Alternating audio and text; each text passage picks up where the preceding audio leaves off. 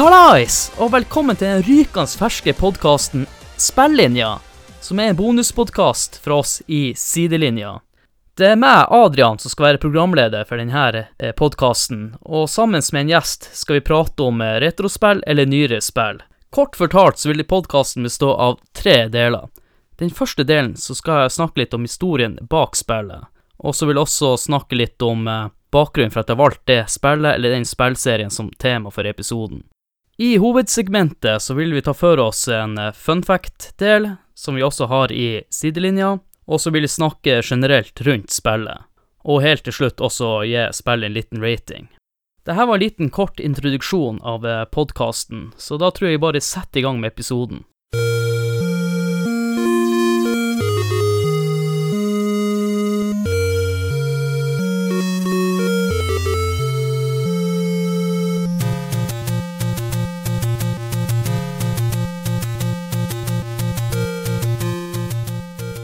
Det spillet vi skal snakke om i dag, er et kjært spill for mange som er vokst opp med Super Nintendoen, og mange har også det som kanskje sitt favorittspill. Det spillet kom faktisk ut for 28 år siden, nå i november, og jeg sjøl fikk spillet for 25 år siden. Og det her er også et spill jeg har spilt veldig mye opp igjen årene, og runder det kanskje én gang i året. Spillet vi skal snakke om i dag, er faktisk Selda A Link to the Past. Og vi går over til historien bak spillet.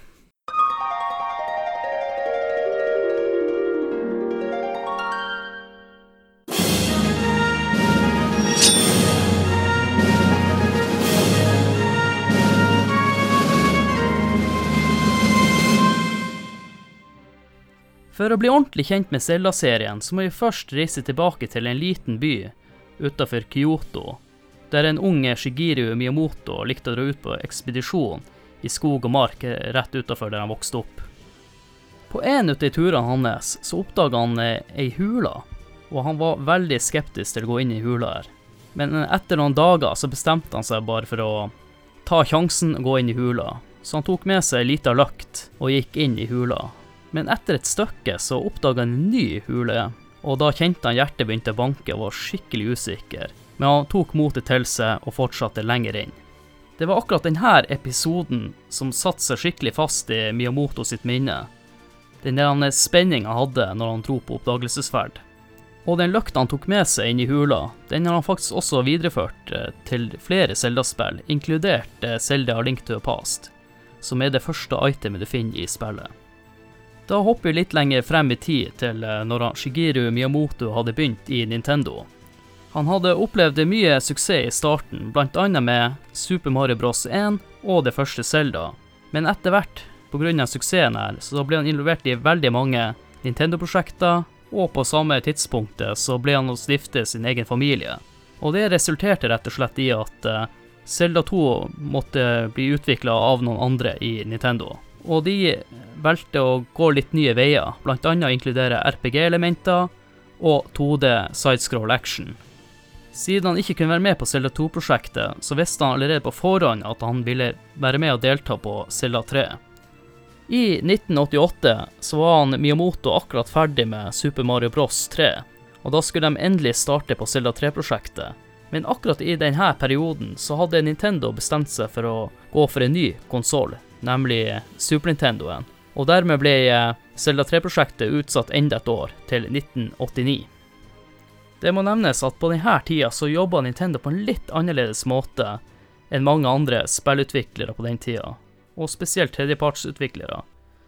Nintendo hadde en luksusen med at de kunne bruke mye lengre tid på spillene sine, til testing og alt mulig, og grunnen til det var rett og slett for at de, i den produksjonstida så fikk de hjelp fra tredjepartsutviklerne til å gi ut spill på konsollen sin. Og for det andre så jobba Nintendo-teamene i starten i veldig små grupper med testing, for jeg så helt på slutten supplere meg med flere folk på prosjektet. Selda 3 fikk først navnet Ganons Revenge. Miyamoto ville gå tilbake til gameplayet som var i Selda 1, og se bort ifra gameplayet i Selda 2. Og noen av konseptene jeg kom opp med, det ene var at eh, de ville egentlig at Selda 3 skulle bestå av tre parallelle verdener, Men etter mye feiling og testing, så fant vi ut at det rett og slett ikke lot seg gjøre på Super Nintendoen. Og dermed gikk de over til to parallelle verdener, som vi i dag kjenner i Zelda Link to Past. Et annet konsept teamet vurderte, det var å faktisk kunne kombinere to forskjellige items, som f.eks. pil og bue og bombe. Men han eh, Shigiru Miyamoto mente at eh, de heller burde ha fokus på sverdet som et hovedvåpen, for å så bruke et annet item som sidevåpen. Og dermed ble denne ideen eh, lagt på is. Men etter noen år så brukte de faktisk denne ideen til et annet spill, nemlig Zelda Links Awakening til Gameboy. Etter en stund eh, de hadde jobba med Zelda 3, så måtte han Miyamoto over på Super Mario World-prosjektet og gjøre det ferdig. Men det var ikke bare negativt, fordi at de brukte mye ut av ideene fra Super Mario World og inkluderte det i Zelda. Når Super Mario World endelig var ferdig, så tok han Miyamoto med seg teamene som hadde jobbet med F-Zero og Pilot Wings til hjelp han å ferdigstille Zelda A Link to a Past. En som ble med han Miyamoto fra Super Mario World-prosjektet, var han Takashi Tezuka. Han jobba med pixelart, og han hadde faktisk også gjort pixelarten for eh, det første Zelda. Skriptet til spillet ble laga av han eh, Kensuke Tanabe. Han hadde også vært director for Super Mario Bros 2. Og han eh, Yoshiaki Koizumi han var ansvarlig for å få backstoryen forklart i instruksjonsmanual. Og musikken til spillet sto han Konji Kondo for, og mye av den musikken som ble lagd til Zelda A Link to Past, har også blitt brukt i senere Zelda-spill, og du vil også høre musikken hans i dette innslaget. Etter nesten to år med utvikling av Zelda 3, så var spillet endelig klar for release i Japan.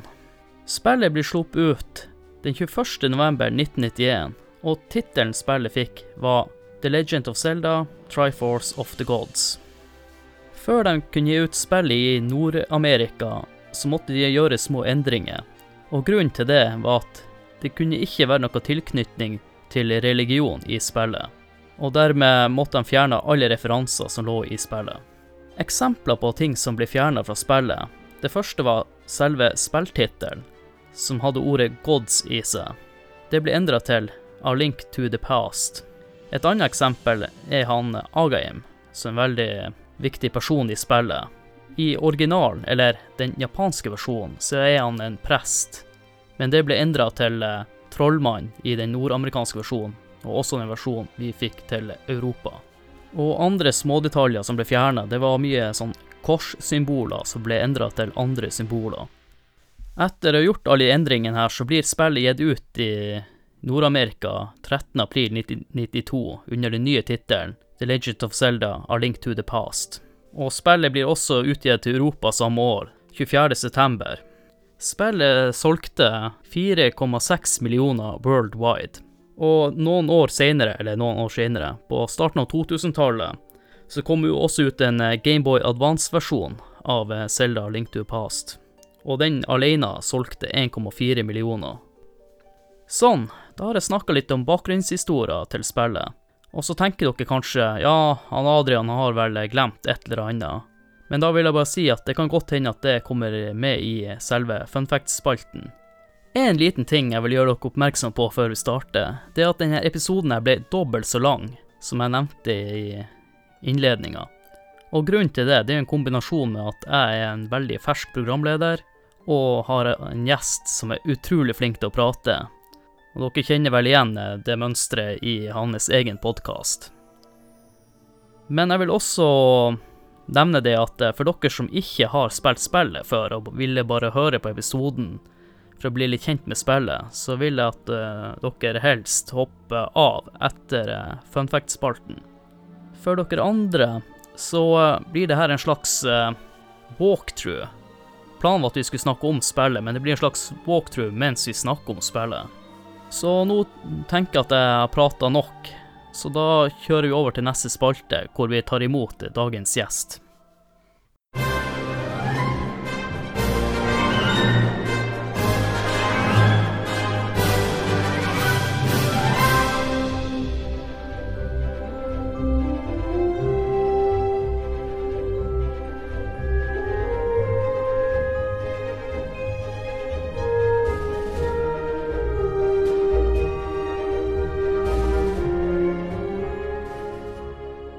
Ja, da er vi akkurat ferdig med bakgrunnshistorien til spillet, så da skal jeg introdusere min første gjest i denne podkasten, og det er han Det er han eh, Christer fra, Nerdcast.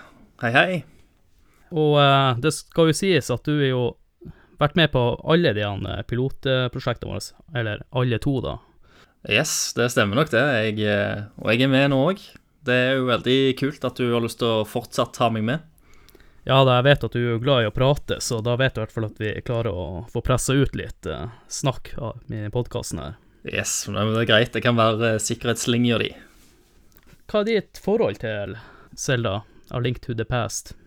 Åh, eh, nå spør du godt. Eh, A Link to the Past er jo kanskje et av mine eh, yndlingsspill gjennom tidene, og et av de skikkelig store Super Nintendo-perlene. Eh, dette var et spill som jeg fikk uh, som liten. Uh, og jeg har, jeg har kanskje sagt Jeg pleier å si at uh, min gaminginteresse den starta jo med Super Mario på NES. Men det var ikke før jeg fikk A Link to the Past på Super Nintendo jeg tenkte at jeg, jeg har lyst til å game for resten av livet. Dette er en hobby som jeg bare har lyst til å fortsette med. Ja. Når, eh, når spill kan gi deg en sånn opplevelse. Jeg, eh, det var det spillet som bare sa at, eh, at gaming som en hobby, den, eh, den er kommet for å bli. Jeg fikk jo med det her spillet når jeg fikk Super Nintendoen min, Ja. men mitt første minne er faktisk før jeg eide spillet sjøl. Og jeg bare husker jeg var på besøk hos noen, og Mm. der lå det kartet som fulgte med spillet. Fulgte med et sånt stort kart. ja, Så jeg husker at, jeg husker at de bare sto og pekte på kartet og prøvde å finne fram. Så det er mitt, eh, mitt første minne med spillet. Jeg brukte jo det kartet ganske betraktelig sjøl, jeg òg. Og jeg eh, var jo eh, stolt eh, abonnent av Nintendo-magasinet eh, på den tida. Ja, du var så heldig. Ja, ja, ja. Så jeg, jeg hadde jo fulgt med. Så jeg hadde jo sett eh, masse screenshots på forhånd av dette spillet, som så helt fantastisk ut. Uh, og lite visste, visste jeg, uh, men det kom, vi kommer tilbake til det seinere, men hvor Ja. stort dette spillet egentlig skulle være. For det var jo òg noe som overraska meg. Det var ikke så normalt på den tida med så store uh, spill. Nei, det var, det var Jeg hadde i hvert fall ikke opplevd så, så stort spill sjøl. Nei, det var et par ganger gjennom spillet der jeg trodde at dette er siste boss, nå er det ferdig, liksom. Men så bare fortsatt spillet og bare gi og gi og gi. Eh, og bare blåste meg helt vekk. Så det er jo bra at de, begge to er veldig entusiastiske over det her spillet. Eh, Det, det, det er ganske nostalgisk for meg å snakke om A Link to the Past. Da blir jeg veldig gira og blir, blir veldig glad, for det, det, har, det spillet har gitt meg utrolig mye glede, og jeg tror jeg har spilt igjennom det eh, kanskje en eh, mellom 20 til 30 ganger opp gjennom livet. Så, Ja, så jeg husker jo ganske mye, ganske detaljert, da, eh, fra spill òg. Så det er egentlig et perfekt spill å, å ha meg eh, med på. Jeg skulle bare nevne det at jeg hadde jo planer om å spille spillet før jeg tok opp eh, podkasten, men eh, jeg tar det på husken, og jeg husker det ganske godt sjøl. Så Mm. jeg tror vi bare går over til den faste spalten vi bruker å ha i sidelinja, nemlig Er disse fun factsene fun?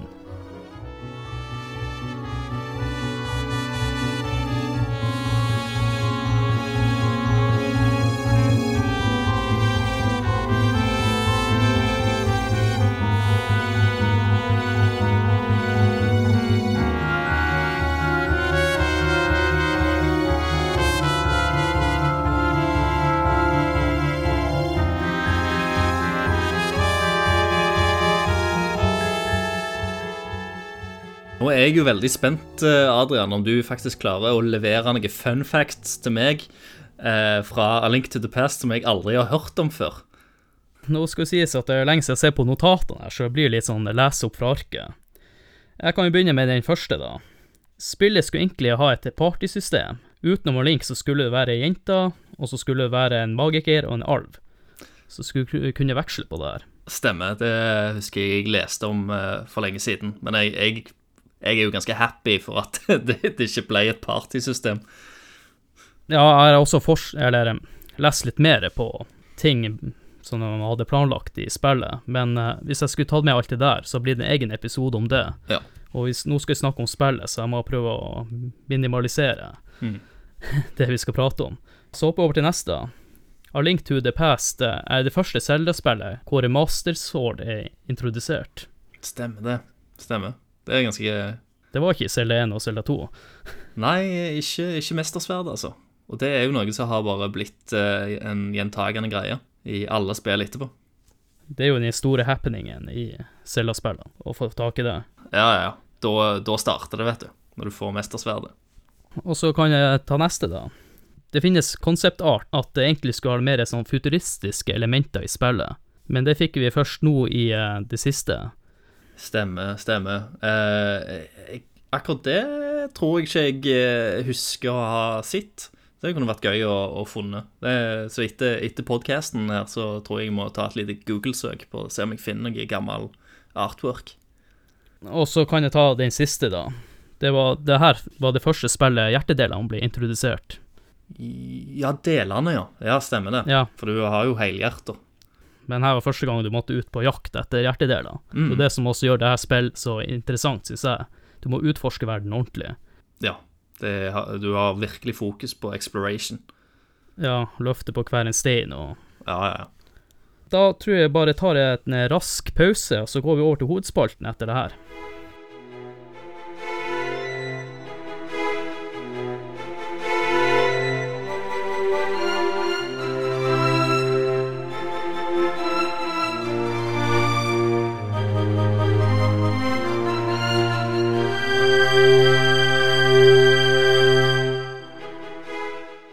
Da får vi gå inn på hovedtemaet, og det er rett og slett å snakke om spillet. Mm. Så det beste med det er egentlig at vi bare går rett eh, fra scratch og starter med backstoryen til spillet. Så, sånn som jeg husker det, så er det eh, Du ble jo fortalt at det var en sånn golden age i Hyrule en eller annen gang. Eh, og eh, der hadde du han her Ganon som kommer fram og prøver liksom å ta denne her Triforcen. Eh, for det, den som har Triforcen, den kan egentlig ønske seg alt mulig. Ja. Eh, men eh, så har du noen vise menn som klarer liksom å stoppe han og låse han eh, inn i en annen dimensjon. Eh, og så blir liksom den der Triforcen eh, glemt litt, kan du si. Og så hopper du sikkert en- god del år i, i tid, og eh, da våkner du opp i, i ei seng eh, og hører eh, hører Zelda prate til deg telepatisk eh, om, at du, eh, om at du trenger hjelp, og at du må komme deg til slottet. Den Golden Age det nevner egentlig The Golden Land. Ja, The Golden Land er det, ja. For det, det er en annen verden Ja. som mange har prøvd å oppsøke, men ingen har kommet tilbake når de har funnet det Golden Land. Mm. Og det du nevnte nå på slutten med at Zelda tar kontakt, det er fordi at han eh, Agahim har klart å åpne portalen og sluppe ut monster til denne verden. Mm. Og han har tatt henne til fange og forsegla, eller fått de vise mennene til å bli borte. Ja. Så jeg tror, eh, sånn som jeg husker, så har, gjør han om masse jenter, da, som erstatter de vise menn, på en måte, i sånn krystaller. Ja, stemmer det. Eh, du du finner jo de i løpet av spillets gang. Um, og eh, så glemte jeg òg å nevne at eh, onkelen din våkner jo først eh, og går ut mot, mot slottet. Mens du ligger igjen i, i senga, da. Før Ja. du blir kontakta av Zelda. Og så, det jeg nevnte i den, i den forrige spalten, at det første itemet du finner, det er faktisk ei lita løkt. Ja. Det er vel Miyamoto som har eh, lagt uh, planta litt av barndommen sin eh, Ja, det har jeg nevnt i eh, med den. det første segmentet, ja. Ja. ja, du har det, ja. At han har spilt mye på barndommen sin når han har eh, lagd spill. Så akkurat der så har du jo faktisk ikke Du har ikke noe våpen eller noen ting. Du har eh, den her lykta som du Ja. eh, Og du trasker deg av gårde da til slottet, så, som du da finner låst. Eller den står, står en vakt som ikke slipper deg inn. Men det stilige akkurat med sekvensen der, det er den regnelydeffekten som er bare setter i skikkelig sånn den eh, modus. Ja, altså stemningen er helt fantastisk. Det regner, det lyner, det er ganske dystert. Eh, og eh, musikken òg er utrolig stemningsfull. Så når du trasker deg opp gjennom der, så kjenner du at eh, nå er det liksom fare på ferde. eh, før du i hele tatt har kommet fram til, til slottet. da. Så det er jo noe han Koji Kondo fikk skikkelig til, da, med Mm. effektene. Og den samme effekten det er når du kommer inn i slottet, at du hører regnet, regne på utsida. Ja, du gjør vel det, faktisk. Før den tid så, eh, så hopper jo han eh, Link ned i et lite hold han klarer å finne. Ja, stemmer det. Der eh, finner han onkelen, som er På den tida når jeg var liten, så tenkte jeg at uh, kanskje han var bare slått i svime. Eh, ja. Ik ikke fordi han hadde dårlig kondis og ikke kom så lenge, for han ser jo litt chubby ut, han, han eh, onkelen. Han er litt chubby. Um, Han har jo farga håret blått også, så han eh, virker jo litt som en sånn han uh... ja, han, er, han er glad i litt manga og, Ja. og sånt. Um, men um, han uh, Onkelen bekjenner da at uh, han klarte ikke å redde Selda. Du må gå videre. Og han gir deg da uh, sverd og skjoldet, som blir liksom det andre da, itemet. Og det egentlig faste equipment-settet som du har gjennom spillet. Eh, Som du selvfølgelig kan oppgradere etter hvert, men eh, det er jo Zelda-serien er jo kjent for uh, sverd og skjold. Combat. Så etter en stund da, så finner du jo prinsessa innlåst i en sånn dungeon. Stemmer det. Og så har du òg en boss, eh, som jeg trodde var en boss, da, men det er egentlig bare en vanlig fiende. Jeg har en fun fact akkurat i området der. Ja. Etter du har henta prinsesse Selda, Ja. så går du tilbake. Så går du opp ei trapp, og så kommer du inn i et eh, nytt rom. Mm. Eller tilbake til der du kom ifra. Og så går du opp i ei, ei trapp opp til venstre, og så går du utafor en sånn kant, og i lufta tar, trykker du save and quit. ja. Og da havner du i fengsel igjen, Mm. og så får du han der eh, sleggeduden til å slå deg. Så får du ordna seg en glitch, da, som du går igjen av veggen. ja. Og derifra klarer du å finne fram til Triforcen, så du kan klare på sånn fem minutter spillet. Det stemmer det. Det er jo en, eh, en spe speedrun med glitch, da. Ja, Eh, for du lurer, lurer vel spillet og systemet til å bare liksom plassere deg out, out of bounds eller noe sånt, så Ja. kan du liksom gå eh, mellom veggene og faktisk komme til den siste skjermen og berøre Triforcen, som da trigger eh, sluttsekvensen i spillet. Men uh, hvor var? Vi har uh... Jo da, vi, har, vi henter Selda i, uh, i fengselet. Vi har liksom tatt han her, han er fyren med slegga, og vi skal liksom geilede Selda ut av slottet. Jeg, jeg husker sjøl som barn så sleit jeg litt, for jeg var jo egentlig på vei ut hoveddøra, som var liksom Ja. naturlig i mitt hode. Jeg skal jo liksom ha henne ut porten. Eh, men det går jo ikke. Så det, det du må gjøre, da, for jeg var jo ikke så stødig i engelsk, sant? så du, du får jo egentlig forklart akkurat hva du skal gjøre hvis du Ja da, leser ja teksten. Eh, men du må inn i tronrommet, og så må du dytte denne her tronestolen til sides. Og bak der så er det ei dør som tar deg liksom ned under slottet, da, i uh, Suersa og kloakksystemet. Uh, og, og der òg er det ganske stemningsfullt, for der òg er det ganske mørkt. Uh, Ja. Og der leker spillet med, med lys og mørke, så der må du bruke lykta for å lyse opp områder, eller, eh, klar, eller så klarer du kun å lyse opp et lite område foran deg. Ja. Og eh, der er det masse flaggermus og rotter og alt i sammen. Og du går eh, gjennom det systemet, da. Helt til du kommer Ja. til eh, ut i ei kjerke. Glemte jo også å si det at eh, inni det slottet så finner du det første eh, våpenet ditt, sånn utenom sverdet, da. Det er jo bumerangen. Den finner du også der inne. Ja, ja, ja. Og det er jo et kjært våpen i spillet. Ja, eh, det er den blå bumerangen, og den kan Når du kaster den på fiender, så, så fryser de litt. Så da kan du liksom ja. drive og slå dem uten at de blokker eller angriper deg. Ja, så kan du også ta penger og sånne der ting også med bumerangen. Ja, og så husker jeg det at eh, det er noe sånn hvis du, hvis du bruker bumerangen på en fiende og slår dem, så får du alltid en grønn eh, rupee. Eller noe sånt etterpå, mener jeg. Så du får ikke Hvis du liksom leter etter hjerter og sånt, for du har lite med liv, så kan du ikke drive og fryse dem før du driver og slår Å dem. ja. Det var faktisk en detalj jeg ikke har lagt merke til. For det, jeg, jeg mener iallfall at det er sånn at du kun får sånn grønne rupees hvis du fryser dem. Ok. som eh, item drops. Så da eh, tenkte jo jeg da at eh, herregud, dette her gikk jo fort. Jeg har jo redda prinsessa, hun er jo ute i Ja. eh, sikkerhet.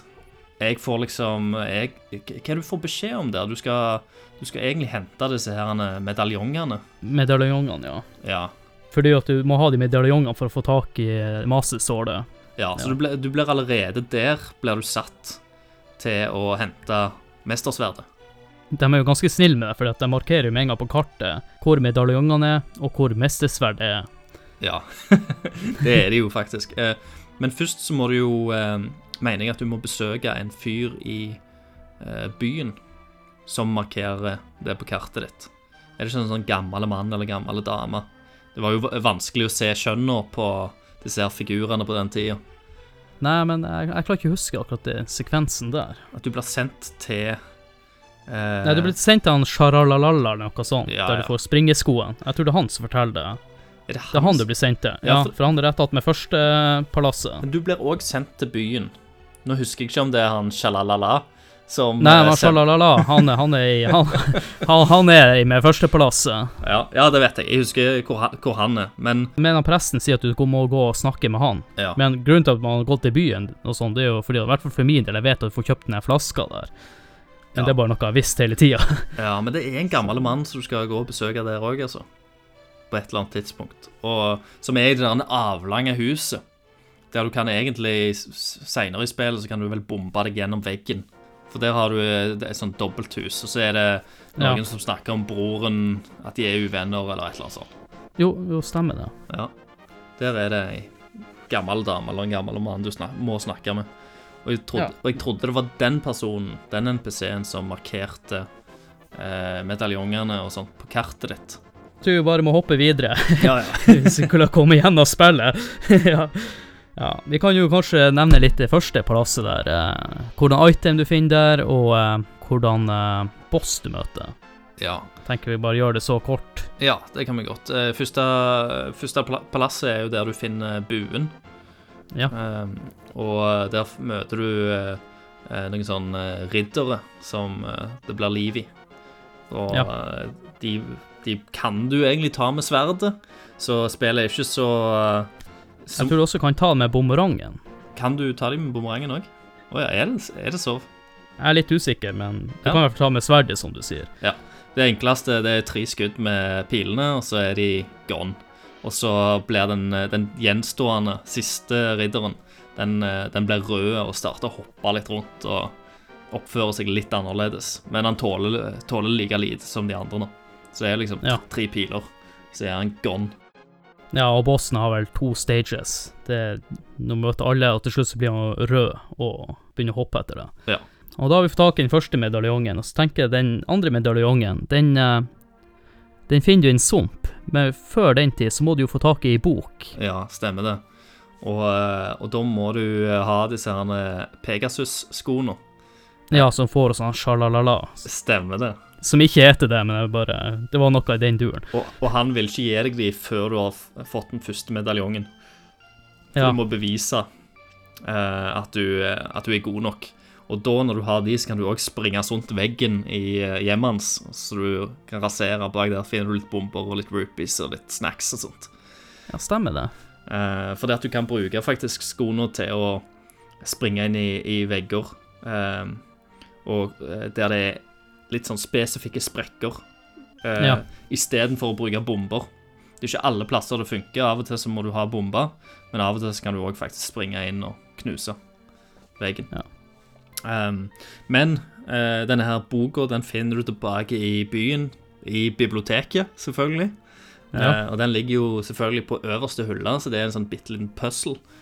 Og Der går du inn, og det er egentlig ganske enkelt å se han, for han lyser jo grønt der han ligger. Um, og eh, der er, det, der er det faktisk mange som har slitt. At de ikke har liksom tenkt at du skal bare springe inn i bokhylla, og så detter den boka ned. Uh, jeg, jeg har sett på mange av kompisene mine som har kommet til det punktet. I voksen alder, da. Ja, det, Jeg husker når vi spilte, så var jeg bare åtte-ni år, så de fleste De fleste som uh, har spilt det i voksen alder, som jeg har sett på, har allerede spilt i ung alder. Sant? Uh, så da vet de jo trikset. Men, Ja. uh, men jeg husker i hvert fall at det var utrolig mange som bare sånn «Eh, Hvordan får jeg han ned? Jeg skjønner ikke. Sant? Er bare jeg spr spring i, spring i hullet. Det- Du må jo prøve alle triksa i boken. Ja, og så etter det så må du jo gå til eh, andrepalasset, og så må du ta fram den boka attmed en, eh, en stor sånn steintavle, da, for å kunne lese inn skrifta for å åpne inngangen. Første gang jeg spilte det, så, tror jeg jeg reiste direkte der. Og da kan du jo ikke lese skrifta. Nei, stemmer det. Så da er det bare sånne rare tegn. Eh, men når du har boka, så kan, så kan du jo lese skrifta. Du må jo bruke boka Ja. og equippe den. Og da eh, husker ikke helt hva som skjer, men disse herne steinhovene begynner å bevege seg som, å gi deg en eh, fri inngang, da. Innpass til palasset. Ja, men er det noen andre plasser man kan bruke den i boka i spillet, eller er det kun der? Har de lagd et eget item kun for den sekvensen? Uh, ja, hvordan var det nå? Er det en annen plass du kan bruke den boka? Jo, forresten, du får tak i sånne medaljonger Ja. som du kan uh, få eh, Ja, ja, ja. aktivere for å lage flamme, og en, en medaljong kan du aktivere for å lage is, og den siste kan lage lyn. Og den tror jeg må bruke boka for å kunne lese skrifta på de steintavlene. For det er tre sånne steintavler til. Ja. Eh, fordi at du har jo òg noe på foran mestersverdet som du kan lese, men jeg tror ikke du trenger boka der. Nei, Nei. det gjør det ikke. Så går vi videre og bare fortell hvordan item finner der, og hvordan type boss det er. Ja, eh, det, dette er jo et sånt palass som er todelt, faktisk. Eh, så du, finner, du må finne itemet eh, i palasset, som da er disse power glovesa, som gjør at du kan løfte opp steiner. For tidligere i spillet så har du kun kunnet løfte busker og potter. Men du har hatt litt sånn grå steiner som er plassert rundt omkring. De kan du nå løfte. Um, og eh, andre delen av palasset er blokkert med en sånn ring av, eller halvsirkel av sånne steiner, som du da må plukke opp. Um, og selve bossen er vel noe sånn der en eh, Hva du kaller det? Noe larvete caterpillar eh, eh, Sandworms. Ja, jeg kalte den bare for slangen da jeg var liten, så Ja. Og de, også, de er jo tre stykker. Eh, og i likhet med, med første boss, så når det er kun én igjen, uh, så blir han litt vanskeligere. Han blir ikke rød, men når de hopper opp av, uh, av sanden som de har begravd seg i, så skyter de litt sånn småstein som spruter. Ja, så den, den siste vil alltid skyte litt mer stein, da. det stemmer. Jeg syns han var tricky da jeg var liten, men etter hvert nå så er det plankekjøring som egentlig alle bossene er nå, Ja. uten å skryte for mye. og da har vi fått tak i to medaljonger, da gjenstår den siste, og den er jo litt mer eh, tricky på en måte å få tak i. ja, for da eh, Husker du prosessen der? Du må opp mot, eh, eh, mot fjellet, eh, og der finner du ei hule der du møter en eller annen gammel mann i. Ja. Og så følger du egentlig han gjennom Han har gått seg vill, eller et eller annet sånt. Jeg har sikkert drukket for mye vodka-shots, det er jeg ganske sikker på. Ja, helt sikkert. Eh, Drita som bare går liksom og rusler ned gjennom hulen der. Eh, men du har jo selvfølgelig lykta, så du kan jo hjelpe han. Eh, så du geileder han og dreper flaggermus og kaster potter og alt i sammen. Og eh, får han trygt eh, hjem. Og Da blir han veldig happy, så han gir deg et eller annet merkelig speil. Ja, som ikke har peiling på hva er for noe. Takk for hjelpen. Akkurat der i, Ja. i spillet så aner du faen ikke hva det er. Nei. Um, og så uh, kommer du og klatrer du enda lenger opp uh, til du møter en eller annen sirkel med steiner, og så er det en eller annen sånn rar, blå, eh, merkelig helle i midten. Ja. Um, som, som ser såpass mistenkelig ut at du er, du er jo egentlig bare nødt til å gå bort til den og se hva som skjer. Uh, og når du da tråkker på den plata, så blir du plutselig transportert eh, en helt annen plass. Eh, Ja. Og du er i rosa kanin. Eh, og da husker jeg at jeg, jeg skjønte faen ikke hva som skjedde i det hele tatt. Hva, er det, hva er dette her? Um, Og det første du ser, det er at eh, en dude sparker på en annen dude. Ja, det er en eller annen fyr som ligner på en sånn rød djevel, og så er det en sånn liten rosa ballongaktig Det ser ut som en ballong med et fjes. Ja, det er det, rett og slett. Og så har du sånn boink, boink lyder òg, når han driver og sparker han. Ja, sk skikkelig mobbing. Det ja, ja. så liksom hele tonen i spillet bare skifter plutselig og blir litt sånn cartoony og morsomt.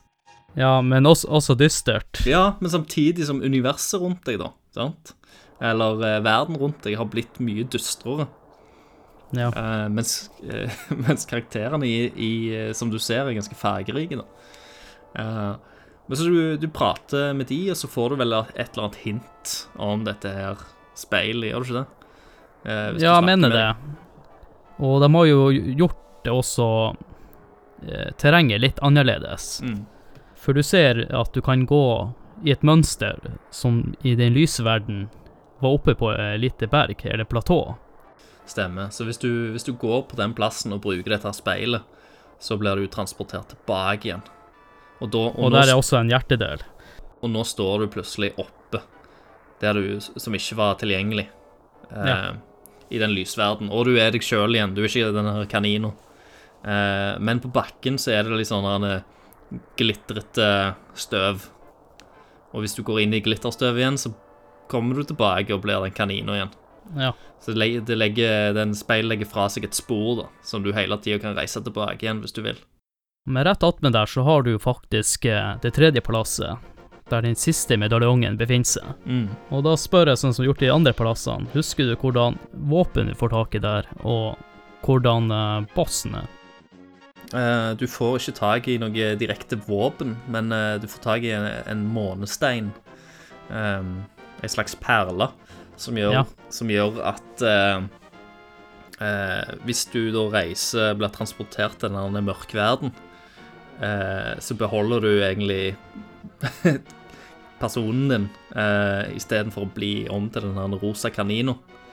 Um, og eh, det er en fun fact til deg, da, og egentlig dere. Okay. Første gang jeg spilte spillet, så gikk jeg glipp av den. Eh, så seinere, da, så, så er det noe som skjer i storyen, som vi kommer til, der du blir transportert eh, til mørkverden automatisk. Da var jeg ei kanin, og jeg ante ikke hva faen jeg skulle gjøre i det hele tatt. Jeg tror faktisk jeg måtte ringe til tipstelefonen til Nintendo på det punktet. Å ja, det Eh, såpass. Da, ja, for du hadde svensk og norsk tipstelefon. Det sto, eh, Ja, stemmer det sto det. et nummer bak i Nintendo-magasinet. Og de sa det Har du, har du leita godt nok i det siste slottet du var i? Det var det hintet jeg fikk. Ja, det var bra at de ikke røpte alt. Ja, ja. Kudos til dem. Så da, da gikk jeg jo bort, og så leita jeg litt ekstra, så fant jeg denne perla, da. Eh, og ja. bossen i eh, palasset, det er jo en en svær eh, makk eh, som eh, driver og kjører sånn sporadisk rundt ned på på, eh, på en liten, eh, liten plass. Og så, så er det sånn at hodet er ganske svært. Og hvis du slår hodet, så spretter du bak. Eh, og eh, dette palasset er jo lagt opp sånn at du kan dette gjennom etasjene. For det er liksom noen hull i gulvet, så du kan liksom hoppe gjennom, og da havner du i etasjen under. Eh, og du kan si da at eh, bossområdet er sånn basseng med dette rundt deg. Og hvis da bossen eh, sier at du slår bossen syv ganger, da, og eh, at eh, du har egentlig bare ett slag igjen, og så er han død, men du blir dytta over kanten og detter ned i etasjen under. Når du da går opp igjen for å ta bossen igjen, så har han fullt liv. Så, trik så trikset er jo at du må holde deg på det platået uten å dette ned. da.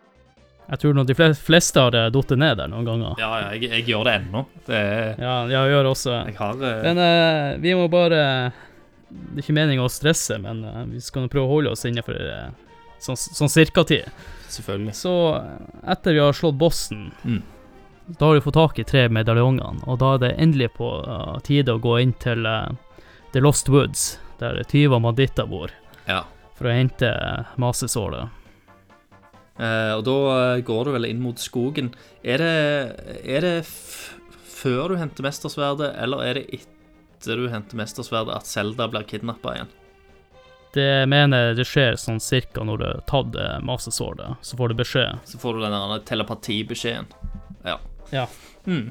Nei, du går gjennom The Lost Woods, som er en litt sånn labyrintaktig skog. Og når du endelig finner den rette trestammen å gå gjennom, og inni den skogen så kan du òg finne en sånn sopp som du kan plukke opp. Eh, som ikke som er et item som du ikke vet helt hva du skal gjøre med ennå. Nei, men jeg kan bare avsløre med en gang at uh, den soppen der, det kan man levere til i heks, og det pulveret der Mm. du får hos heksa. Har du prøvd å ta det på de, de grønne agurkene som bare går? ja. Ja, da får han sånn svære lepper og solbriller, hvis ikke tar helt feil. Og ja, stemmer det. Det skjer litt sånn funky ting med folk. så jeg tenker neste gang jeg skal spille, skal jeg prøve å utforske litt mer med det støvet. Eh, det har jo faktisk en til hensikt, og det er at du kan vek vekke eller ei flaggermus eh, inni et, et rom. Ja, det stemmer det, ja. Eh, og, det, og da gir det seg deg sånn at du har jo sånn magimeter. Eh, så, Ja. så alt du bruker som bruker magi, da, fra det punktet av, det tar bare halvparten. Og det, den plassen der, det er i hula som er rett attmed de to dvergene som lager sverdet. Men uh, det kommer vi tilbake til senere. Ja. Ja, vi har fått masesåret. Masterswordet, og Selda har blitt kidnappa, og vi blir geleida at vi må tilbake til slottet. Yes, stemmer det. Da uh, jobber vi oss opp til taket til slottet.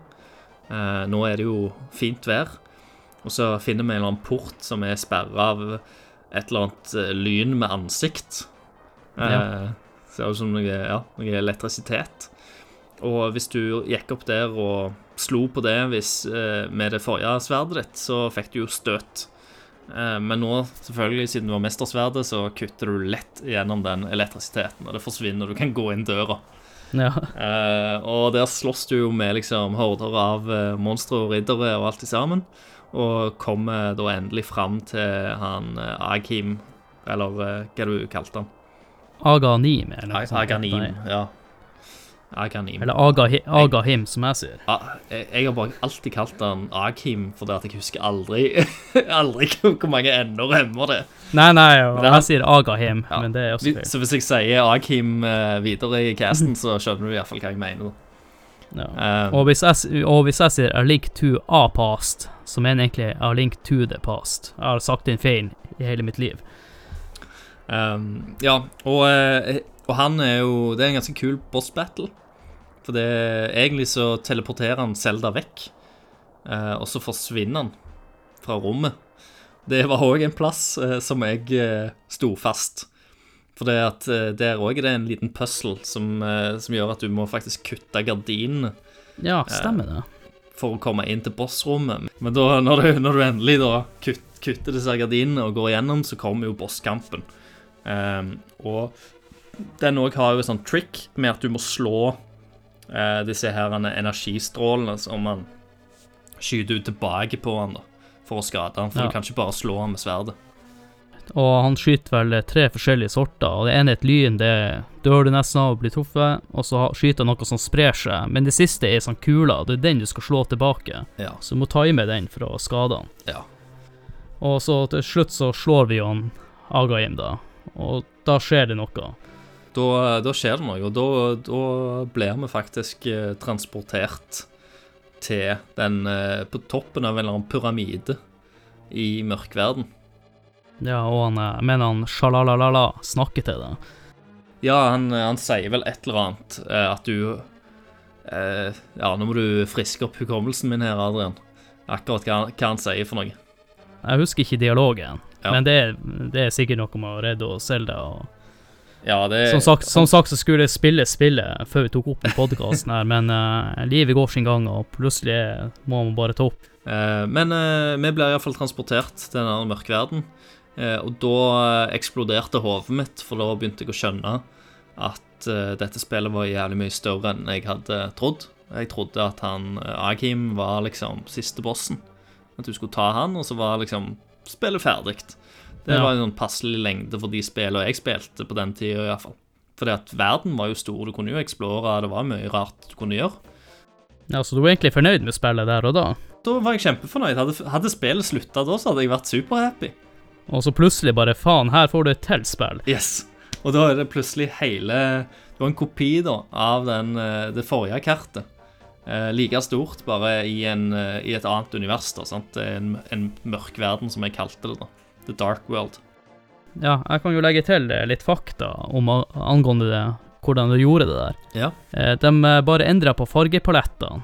Jaha. Og de beholdt mye av det samme landskapet, fordi at eh, det kun eh, Nå husker jeg ikke om hva som ble lagra på disken, og hva som ble Eller hvordan de gjorde det, for noe ble bare rendra, så de ikke brukte så mye minne. Okay. Så var det bare små detaljer som ble lagra på disken. Ja. Så de, det eneste de gjør, er å skifte fargepaletter, og ting havner på de samme pikslene.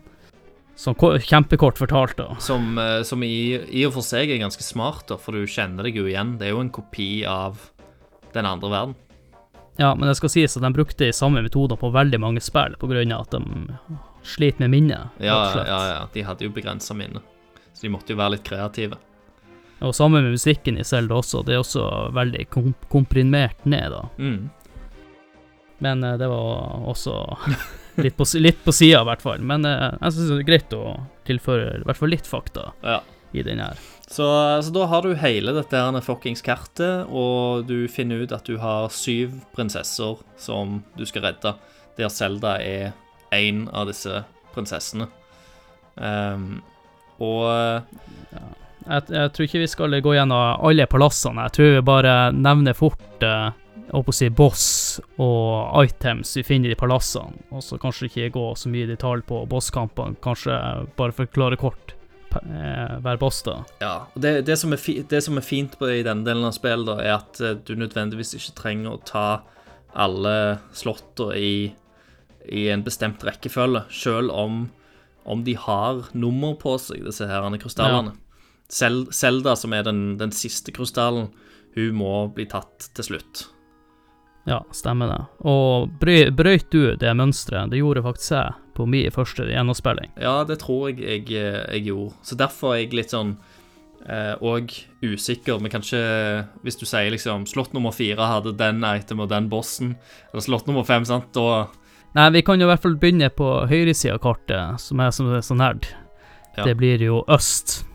Det er Der øst. finner du jo først ei apa som hjelper deg inn i et palass. Stemmer, og han er jævla kjip, for han skal ha jævlig mye rupees av deg. Ja, jeg husker ikke, var det 100 eller 300 noe sånt? Det var noe i formue. Og det, jeg, jeg gikk jo rundt en evighet og samla de rupeesene for at han skulle vise meg veien. Og en annen ting som også må nevnes, at mye av verden er sperra av for den brua har noe sånn stolper på seg, så kommer det ikke gjennom. Mm. Eller forbi den brua, da. Så i det palasset her så finner vi jo, husker du? Ja da, vi, vi finner en hammer. Eh, og eh, bossen er jo en slags eh, skorpion, svær skorpion med ei maske. Eh, og Ja. da kan du eh, Du skal jo bruke hammeren eh, og slå sunt denne maska, og så kan du bruke, endelig bruke sverdet og slå skorpionen i trynet. Eller eh, Eller det er jo ikke en skorpion, men ja, det er vel det jeg vil kalle det. da. Eh, eller du kan jo faktisk òg bruke bombene til å sprenge av han maska. Og eh, da trenger du egentlig ikke bruke hammeren i det hele tatt. Da, når du da har hammeren, så kan du slå ned disse stolpene og bevege deg litt videre og friere gjennom eh, hovedkartet. Og det neste palasset, som egentlig er Jeg mener, nå husker jeg ikke nummereringa i, helt i hodet, Nei. men neste palasset var det nest siste palasset jeg tok i min første gjennomspilling, og det er det som er oppe i skogen. Det blir helt eh, nordøst på kartet, der det Lost Woods var, Ja.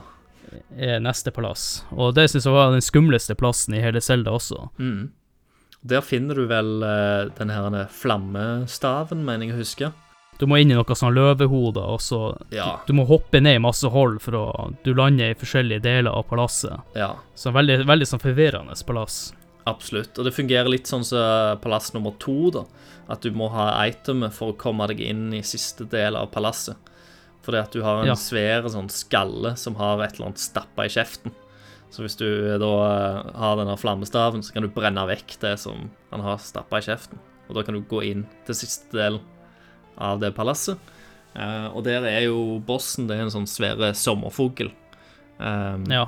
Da står du òg på sånne rullebånd som driver og prøver å skyve deg inn i noen pigger og greier. Um, det, det er faktisk en boss som jeg eh, har slitt litt på, for at hvis du kommer der med litt ja, sånn dårlig liv og, eh, og blir liksom dratt i de der forbanna eh, piggene. Så, så der kan det godt Der kan det være smart å ha en ekstra fe på, på lager, eller noen potions. Men eh, neste palass igjen, Mm. det er ikke så langt unna Lost Woods. Det er rett nede i byen i lyseverden. Men det er en by her også, men det er ser jo helt rasert ut.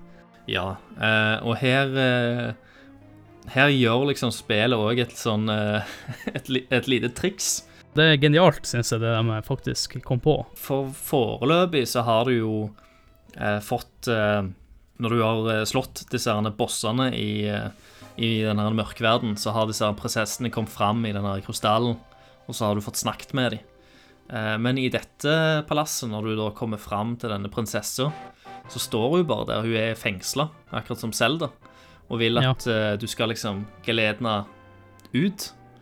Eh, men så viser det seg jo til, da, eh, etter litt om og men og, sånn, og hint og sånt, så er det, så er det faktisk eh, bossen som, du driver, som har forkledd seg som denne prinsessa, som du driver og geileder rundt omkring. Ja, for han er egentlig en tyv, han. Han er egentlig en tyv, så han, egentlig, han er ute etter å stjele ting fra deg, sikkert. Eh, Men det, det du må gjøre, da, for du- du får et hint om at han ikke liker, er glad i lys og solskinn, så du må bruke bombene og sprenge faktisk en del av eh, gulvet i etasjen rett over bossrommet. Og så, Ja, det. så må du faktisk gelede henne inn i lyset, og så blir hun om til denne her bossen, da. Og så kan du ta henne og, og ta det palasset. Um, når det kommer til itemet i det Der begynner altså jeg å stå litt fast. Eh, Ja, og neste palass, Mhm. som jeg husker, det finner du faktisk Den er også litt sånn artig twist på.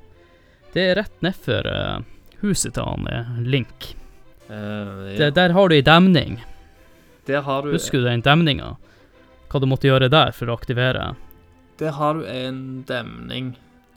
Hva var det du skulle gjøre der nå? Du må gå inn i et lite bygg som har ei eh, demning, og der må du trykke i et håndtak så han stenger vannet. Ja, ja, du måtte Du må gå faktisk til den lysverden. Så du må, Ja. du må faktisk bytte om uh, Ja, du må stenge vannet, for Mm. at, uh, Mm. og så reise til mørkeverden, for så kan du gå i palasset der. Ja. Så det er det undervannspalasset, som jeg kaller det, da. Og det palasset har ennå ikke blitt ordentlig kjent med. Og husker du itemet vi fikk der? Der er det vel du får hookshoten. Ja, den berømte hookshoten. Så det, Og den, er- det er jo òg et item som har gått igjen i Zelda-serien etterpå. Det er kanskje mitt favoritt-item i det spillet der. Jeg brukte det veldig mye. Ja, jeg òg. Dra til deg items og knuse ting og komme deg over gaps og alt i sammen. Og bossen i det palasset er vel et svært øye. Nei, her var det en blekksprut som har masse sånne små eh, Ja, men han òg har et svært øye. det, Ja, ja det, det stemmer, det, det. to, det er to som ligner litt på hverandre, stemmer det. Ja, Eh, men eh, ja, som har litt sånne små baller rundt seg, som du må liksom trekke til deg. Og så må Ja, du slå dem.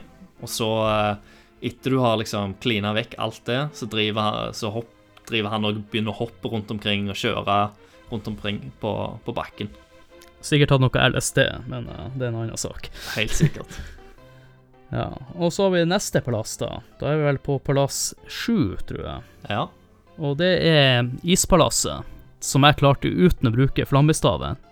Men jeg klarte palasset takket være den flammemedaljongen som jeg snakket om i stad. ja, ja, stemmer. Og her må du også eh, veksle mellom å dra i den lysverden og den mørke verden. Ja, for det, det er jo et, et fort, Ja, som er med en mur rundt. En mur rundt. Ja. Um, og her kan du jo bruke den ildstaven til For det, du har en del isfiender som du kan drive og smelte. Som er litt uh, morsomt. Uh, og her itemet her er vel en, enda en drakt. Det er vel den røde drakten, eller lilla drakten. Eller eh, hva, hva farge er det den drakten er? Er den rød?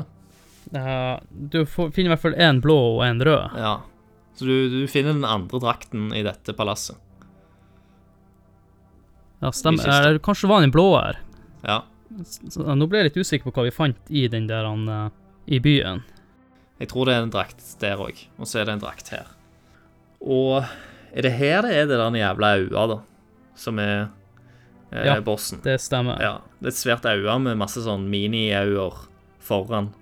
Eh, og dette aua driver og skyter litt lyn og sånt. Det er er, dette er kanskje et palass som jeg ikke husker så veldig godt. Eh, Men her har du òg de der eh, Hva de heter eh, De eh, De òg er jo ganske sånn kjente og ikoniske fiender i, Zelda-serien, de der skjelettene. Ja, skjelettene, ja. Ja, Stalfoss, er det det de heter? Der du, du må drive og slå dem, og så ramler de sammen, og så må du bombe dem etter de på en måte har falt sammen, for ellers så reiser de seg bare opp igjen. Så det er en litt sånn unik eh, fiendetype. ja. Eh, jeg måtte bare søke litt det er ikke meningen å være så stille. Du finner, eh, du finner den gullhansken, mener jeg du fant der. Finner du den i ispalasset, altså? Nei, ikke i ispalasset, men i den palasset vi snakket om i stad, den som var inne i byen. Ah, OK, greit. Ja, Ja, ja. med tyven. Så du finner blå drakten i ispalasset. Ja, Det stemmer Ja. nok. Jeg bare husker ikke helt hva I og med at du ikke trenger å bruke den hansken uh, i, til bossen i det hele tatt. Nei, men eh, hansken Du har en en, en av de to dvergene som i mørkeverden er en frosk, og han har gått seg vill. Ja. Så han er sperra inne blant de sånne svarte steiner som du kun kan uh, løfte med gullhansken. Stemmer det. Og du får tak i han, hjelper han ut, og så geleider han inn i til eh, der huset Til han andre smeden. Ja, men du må ikke sant, tilbake til lyseverden med han. Ja, ja. Du gleider inn der, og da sier han seg villig til å lage det røde sverdet til deg. Ja, stemmer. Det tempererte mestersverdet. Ja. Og så da har vi to palass igjen, og det ene er i Sumpen. Uh, ja, stemmer det. Det er i sumpen. Uh, og der, uh, for å komme inn der, så må du bruke en av disse medaljongene. Den der værmedaljongen. Du må stå på et eller Ja, annet sånt ja, platå. ja. L- Lynmedaljongen. ja. Lynmedaljongen, ja. Mm. Uh, det, det husker jeg. Uh, og hva søren var det du fikk i det Er det Det er ikke en av de gjerne teite stavene? Ja, du får en stav i spillet, stemmer. Kane of Somaria. Ja, det er den, eh, det er den bl blå, eller den røde? Nei, det er den røde staven du faktisk finner. Ja, den bruker du vel til å gjøre litt sånn Løse litt uh, gåter og sånt, for den uh... Den røde staven har laget rett og slett en, eh, en kloss for deg. Ja. Eller en stein som du kan legge på knapper og sånne ting, så du kan åpne dører med. stemmer det. Så Men, men bossen der, husker du hvem det er, Adrian? Nei, det er faktisk det øyet. I det øyet Jeg driver faen meg rollsefelt. Ja, bare du snakker om det med han bossen der, så skal jeg finne ut hvem som var på ispalasset. Ja, ja, ja jeg, jeg nevnte jo hva den bossen var. Det var jo masse små øyer rundt, og så skyter han litt, eh, litt lyn. Um, så du må, du må kvitte deg med de små øynene først, og så må du ta det store øyet etter hvert. Egentlig en ganske Og vi hadde faktisk rett, at forrige bossen var også et øye. Ja. Det er mye øyer i spillet her. I ispalasset så er øyet i en sånn isklump. Ja, du må smelte den. Sånn er det, ja. Du må smelte isklumpen i ispalasset, og så kan du ta øya. De har uh, hatt litt mangel på fantasi. Ja. Når du kjører to øyer etter hverandre. Ja. Tre, egentlig, hvis du teller med blekkspruten. Ja, det stemmer det. Så det det. er jo ikke rart at det går litt i ball og i surr. Akkurat med de bossene. Ja, Men jeg husker iallfall Jeg husker iallfall neste slott. Det husker jeg veldig godt, for det er ganske ikonisk. ja det er i hvert fall bra at du husker det. Ja. Og det er jo eh, Turtle Rock, eh, helt oppe på fjellet. Og nå kommer jeg på den andre medaljongen. Mm. Det er ikke is, det er jo jordskjelvene. Yes, og den må du jo bruke på, for å komme deg inn i det palasset. Du må Du kommer til et palass som er forma som en sånn Eller sånn stein som er forma som en skilpadde. Så du må opp på ryggen på skilpadda, og så må du bruke sånn jordskjelv. Der du egentlig plunger mestersverdet i bakken, og så kommer det sånn lilla jordskjelv over hele skjermen. Eh, Ja. Og så, opp, så går ansiktet til skilpadda vekk, og så er det ei trapp ned. da. Og der kan du gå, gå ned. Og i, eh, i det palasset så er det som ligger i den store kista, er eh, et svært gyllent skjold som kan reflektere enkelte stråler og blokke andre stråler. Ja. Og eh, så er det kanskje en av de kulere bosskampene, syns jeg. Iallfall i den uh, mørkverdenssida. Det er jo uh, en svær drage uh, som har uh, først to hoder. Eh, et blått hode og et rødt hode, der du må skyte det ene hodet med is og det andre hodet med ild. Det skal sies der, på is så må du bruke en eh, isstav, men den finner du faktisk ikke i et palass. Den må faktisk lete deg fram til. Ja. Den finner du vel ved å bare sprenge ei Du finner den vel i sånn random hule, gjør du ikke det? Ja, den er helt eh, sørøst på kartet, cirka, hvis jeg ikke tar helt feil. Ja. Og så eh, Og når du da har tatt begge disse, disse hovene, så begynner kroppen å leve, så blir det en egen sånn slange. Men, men den kan du drive og slå da med sverdet. Ja, det er plankekjøringer derifra. Ja. Og så til slutt så får du endelig muligheten Jeg husker ikke om Du låser i hvert fall opp eh, det som var tredjepalasset i den lysverden, er det siste palasset i den mørke verden, der du skal konfrontere han Agaim. Ja, så, så nå eh, Og eh, det var vel eh, Zelda du eh, faktisk redda i den eh, Turtle Rock-palasset. Så, Ja. så hun ber deg vel å gå til dette slottet, til Agaim sin, uh, sin lair. Uh, og når du kommer der, da, så er det en sånn liten sekvens der alle disse prinsessene uh, flyr rundt i krystallene sine. Uh, og spinner litt rundt omkring og gjør noe magi, fordi at dette slottet har stått og blinka hele tida. Så det har vært noe sånn magi som har beskytta det. Og da forsvinner den blinkingen, og så kommer det ut en sånn svære, svære trapp fra slottet, som gjør at du kan, kan da gå inn. Og i det eh, slottet der, så er det vel Er det der den siste drakten er?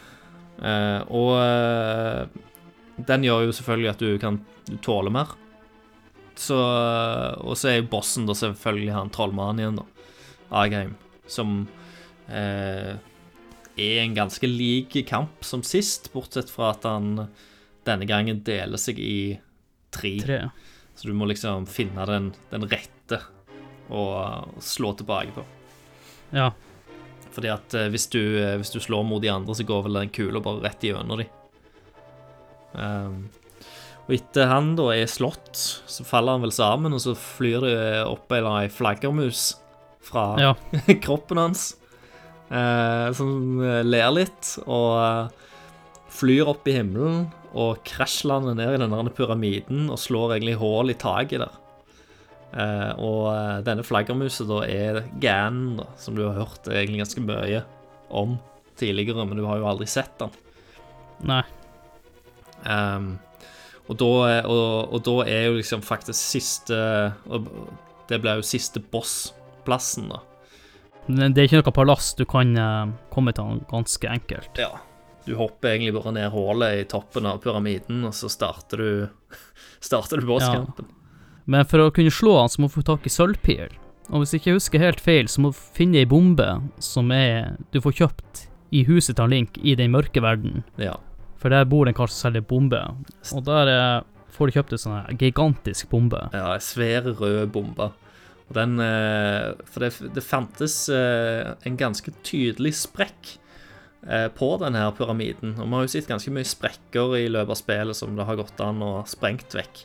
Eh, Så for alle da som har spilt det spillet, har sikkert gått ned på sida av den pyramiden og prøvd å lagt ei vanlig bombe der på den sprekken, og har skjønt da at eh, det går ikke. Og så har de prøvd å sprunge på den sprekken, så de har skjønt at nei, det går ikke.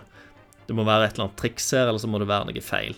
For alle andre sprekker går jo an å sprenges.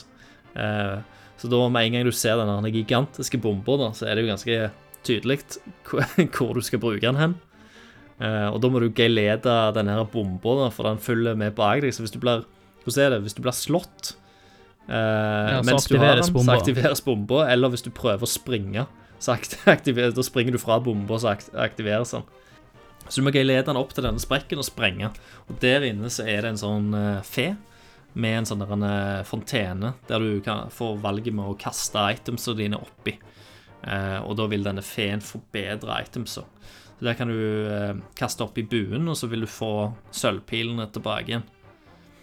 Der kan du vel egentlig eh, Det fins jo flere sånne plasser, men du, du kan oppgradere flere av våpnene dine. Du kan oppgradere bom bumerangen, blant annet. Ja, jeg tenkte vi kunne ta det rett etter vi har fortalt om bosskampen. Så kan vi gå gjennom de itemene som som vi ikke har nevnt nå. Ja. Ja. Uh, ja, Så da har du iallfall sølvpilene som du trenger. Uh, og da er jo siste boss uh, Gan, som er en sånn svær blå eh, gris. som står på Ja. to bein og har kappe og ja, en eller annen drakt og en, en, eh, høygaffel. Og eh, boss-battlen den her er litt morsom, da, for at du må kombinere flere forskjellige items for å kunne eh, ta han. Ja, I starten så holder du vel bare med, med sverdet, men så eh, er det et punkt der han slår av lyset. Det er fire fakler, Ja, og så etter hvert så begynner noe gulvet også å forsvinne. Så gulvet forsvinner, og så, og så går lyset, og da må du drive og tenne på disse faklene da, i sida av rommet. Og når du har tent på alle fire, er det det, så blir, blir han midlertidig blå. Eller nei, det gjør han ikke. Han, han gjemmer seg litt bak kappen. Ja, ja han, Sånn han blir en skygge først. Du må ha, ha lyset helt for å kunne eh, se han. Ja, for han blir usynlig. ja. Men du ser skyggen da etter, etter hvert som du tenner på. Også, men du stønner han bitte litt da, i en slags eh, minianimasjon der han skygger seg sjøl eller skjermer seg sjøl for lyset, når du har liksom Ja. tent den fjærfakkelen. da. Og det er jo perfekt tidspunkt å fyre av ei av disse sølvpilene igjen. Og da blir han lettere blå. Det er det vel. Og så eh, fortsetter du egentlig sånn. Han eh, tar av lyset, og han eh, prøver å sende ildflaggermuser på deg eh, og sånt. Og så skyter du han nok ganger med sølvpiler, da, så knekker du han til slutt og tar han. Jeg mener du måtte skyte med sølvpil, og så måtte du slå med sverdet. Ja, ble, Er det at han blir blå, og så må du slå ham med, s- slå med sverdet? Ja. Så etter han Ganon er beseira, så er det fri vei til Triforcen. Yes. Eh, og da eh, får du en sluttsekvens der du ser alle er lykkelige, og du, du ser til og med han der han er djevelen og han der han lille ballongungen som lekte på, på fjellet. Eh, og de, de så jo litt sånn retarded ut eh, i menneskeform òg. Jeg så jeg håper jeg nesten verre ut enn eh, Ja. i mørkeverden. Heller verre enn den lille rosa ballongen. Så tenkte jeg at det, vi må jo kanskje også nevne de itemene som vi ikke finner på lassene. Ja. Vi har isstaven, den nevnte jeg i stad. Ja. Og så har du eh, en håv der du fanger fairies med, og du får da en syk gutt som ligger i landsbyen. Mm. Den blå staven, den er litt mer usikker på hva hun fant, men jeg lurer på, om- lurer på om du fant den oppe i fjellene der. Du finner den oppe i fjellet, ja. Og så er det sånn masse sånn pigger på På gulvet. Eller er det, ka Ja. det er kappen, kanskje? Nei, det er kappa, og den kappa gjør sånn at du blir usynlig. Mm. En annen ting jeg også vil nevne, det er også svømmefoten. Ja. Det finner du i uh... Saurus Domain. Ja, de, de må du betale 500 rupees for. Ja. Og så er det jo selvfølgelig alle disse hjertepieces. Ja, men det tror jeg ikke jeg trenger å gå i detalj på. Litt for en lite sjøl. Men jeg kan jo bare nevne med hjertedeler. Ja. Det, det var en hjertedel jeg slet veldig lenge med å finne. Og det var en sånn den eh, I The Dark World så har du litt nedfor landsbyen. Mm. Så har du sånn en eh, grave Du kan eh, betale inn rupis for å kunne grave i ti sekunder, tror jeg, noe sånt. Ja. Og der er det faktisk en hjertedel, og den brukte jeg kjempelang tid på å finne. Eller jeg fant den aldri, men det var en kompis som jeg som tipsa meg om det. Mm. Så det vel det var 20 hjerter til sammen. Det stemmer vel. Ti oppe, ti nede. Ja. Og så har vi jo, eh, så har vi jo eh, medaljongene, som det fins tre av. Vi har jo nevnt to. Jordskjelvet og denne lynet, ja, jeg nevnte jo også den flamme. Den finner du. som er sånn Ja. bom, bombemedaljong. Og så er det jo òg eh, sterkere versjoner av eh, eh, enkelte items, som den røde bumerangen, som har eh, Du kan kaste en over lengre avstand. Og den finner du hos Finner du i hula. og, sen, og den, når du kaster itemet i en sånn fairy pound, Ja. så får du tilbake en oppgradert. Ja. Og det er flere ting du kan hive. Du kan hive bumerangen, du kan hive skjoldet, ja. og så lurer jeg på om det var én ting til. Du kan hive ei tom sånn eh, flaske. Så får du den tilbake med grønt, grønn magi. Å ja. Det tror ikke jeg visste. Men eh, en siste item som vi har glemt, som er kanskje det aller viktigste i hele spillet for å komme seg fra sted til sted, det er fløyta. Men før du får tak i fløyta, så må du få tak i en spade. Stemmer. Um, og den spada Hvor søren var det du fikk tak i den, da? Jeg tror du, du får også en inn i landsbyen, mener jeg, fordi han har en sønn som bruker å spille fløyte. Ja. For hver gang du kommer til det området som er rett i nærheten av der Link sitt huset, Når du begynner nærme deg han, så bare forsvinner han. Ja, stemmer det. Så du må, du må reise til mørkverden der, Ja, eh, og så må du drive og Og der er han vel en eller annen stubbe. ja Han har han er fast. trestubbe. Ja. Ja. Og der må du bare gå rundt og grave, ja. og til slutt så finner du fløyta. Og når du har funnet fløyta, så må du faktisk tilbake til en lysverden, inn til byen. Mm, Kokoriko Village, som det heter. mm. Og der må du spille av den fløyta til en sånn statue av en fugl, Ja. som står midt i byen, cirka. Stemmer. Og da får du fast travel Fast travelen din i dette spillet. En jævla sterk måse som kan fly deg Ja, hvor du vil. Ja, ei teit and, liksom. Så bare Ja, Hvit and. Men eh, den er kul, den, altså. Eh, og så er det jo eh, eh, selvfølgelig en, eh, en fjerde versjon av sverdet. Det har en gullversjon av sverdet, som du òg kan få. Eh, og det får du ved å kaste det i den eh, der du får sølvpilene. Så kan du kaste sverdet ditt. det vi glemte med den plassen du kaster i den fairy pounden der, der det ikke er vakker engelskgrop, der er ei som har spist mye burger og Stemmer det? noe smultringer, for å si det sånn. Yes. Hun Og er, ikke vært på diett. nei. Eh, hun er den feiteste av feene. Uh, og så kan du òg oppgradere bombebagen din og pilene dine med å donere rupees til en sånn fe-plass midt, i, Ja. midt ute i vannet. Føler at vi nesten har gått igjennom hele spillet, så nå tenkte jeg bare skulle ta noen sånne småpunkt Ja. eh, før vi går over til å rate spillet. Ja. Så det egentlig jeg bare lurer litt på, hva er ditt sånn favorittvåpen i spillet? Oi. Uh, jeg er veldig glad i eh, eh, Jeg er veldig glad i hookshoten, men det, jeg føler liksom, det er litt sånn safe bet. Alle? Ja, Eh. OK, hvis jeg utelater hookshoten, hva er det da? Da er jeg glad i isstaven. Den er jeg veldig glad i. Ok. Mm. Nei, man er vel så kjedelig å si kanskje bumerangen. Ja. Og så tenkte jeg bare skulle nevne hva de, Eller spørre om hva er din favorittboss i spillet? Eh, favorittboss ehm, Jeg tror Jeg tror det er Akim-kampen, altså. Jeg liker han ganske godt. Okay, det, det, I den landsbyen der, Ja. med den tyven som du skal frakte. Så jeg bare liker at den twisten der. Jeg, jeg, er, jeg helt, er jeg er helt enig med twisten og hvordan det er Ja. lagt opp. Jeg er ikke så glad i bossen. Eh, og slå, Ja, selve kan, kan være litt tricky. Eh, da, da er jeg Egentlig den beste bossen, da må jo være de øynene, for de er jo så altfor enkle. Ja, de, de er superenkle. utfordring. Og så ja. er du dragen, da, eh, som er kul. ja. Ja. Og så vil jeg også nevne til slutt, det kom faktisk en uh, oppfølger til uh, Zelda A Link to the Past. Ja, BS. Jeg har lyst til å fortelle litt om det. Uh, det var vel eh, e- Egentlig, du kunne kjøpe en sånn satellittboks. Eh, som, eh, som du kunne koble til Super Nintendoen i Japan. Så det, det var faktisk noe de sendte gjennom satellitt-TV. Eh, så du måtte faktisk koble kob Du måtte slå på eh, Super Nintendoen akkurat mellom noen gitte klokkeslett.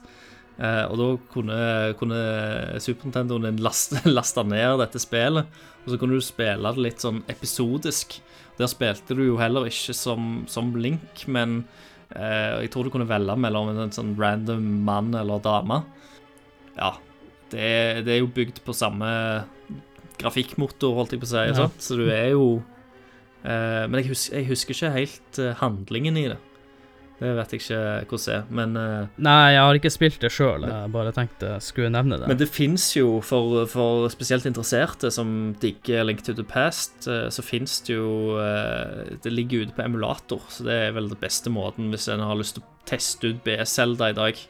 Da tenker jeg at vi skal gå over til eh, siste fase. Det er egentlig bare å, å rate spillet. Så etter den lille lydklippet her, så kommer vi tilbake.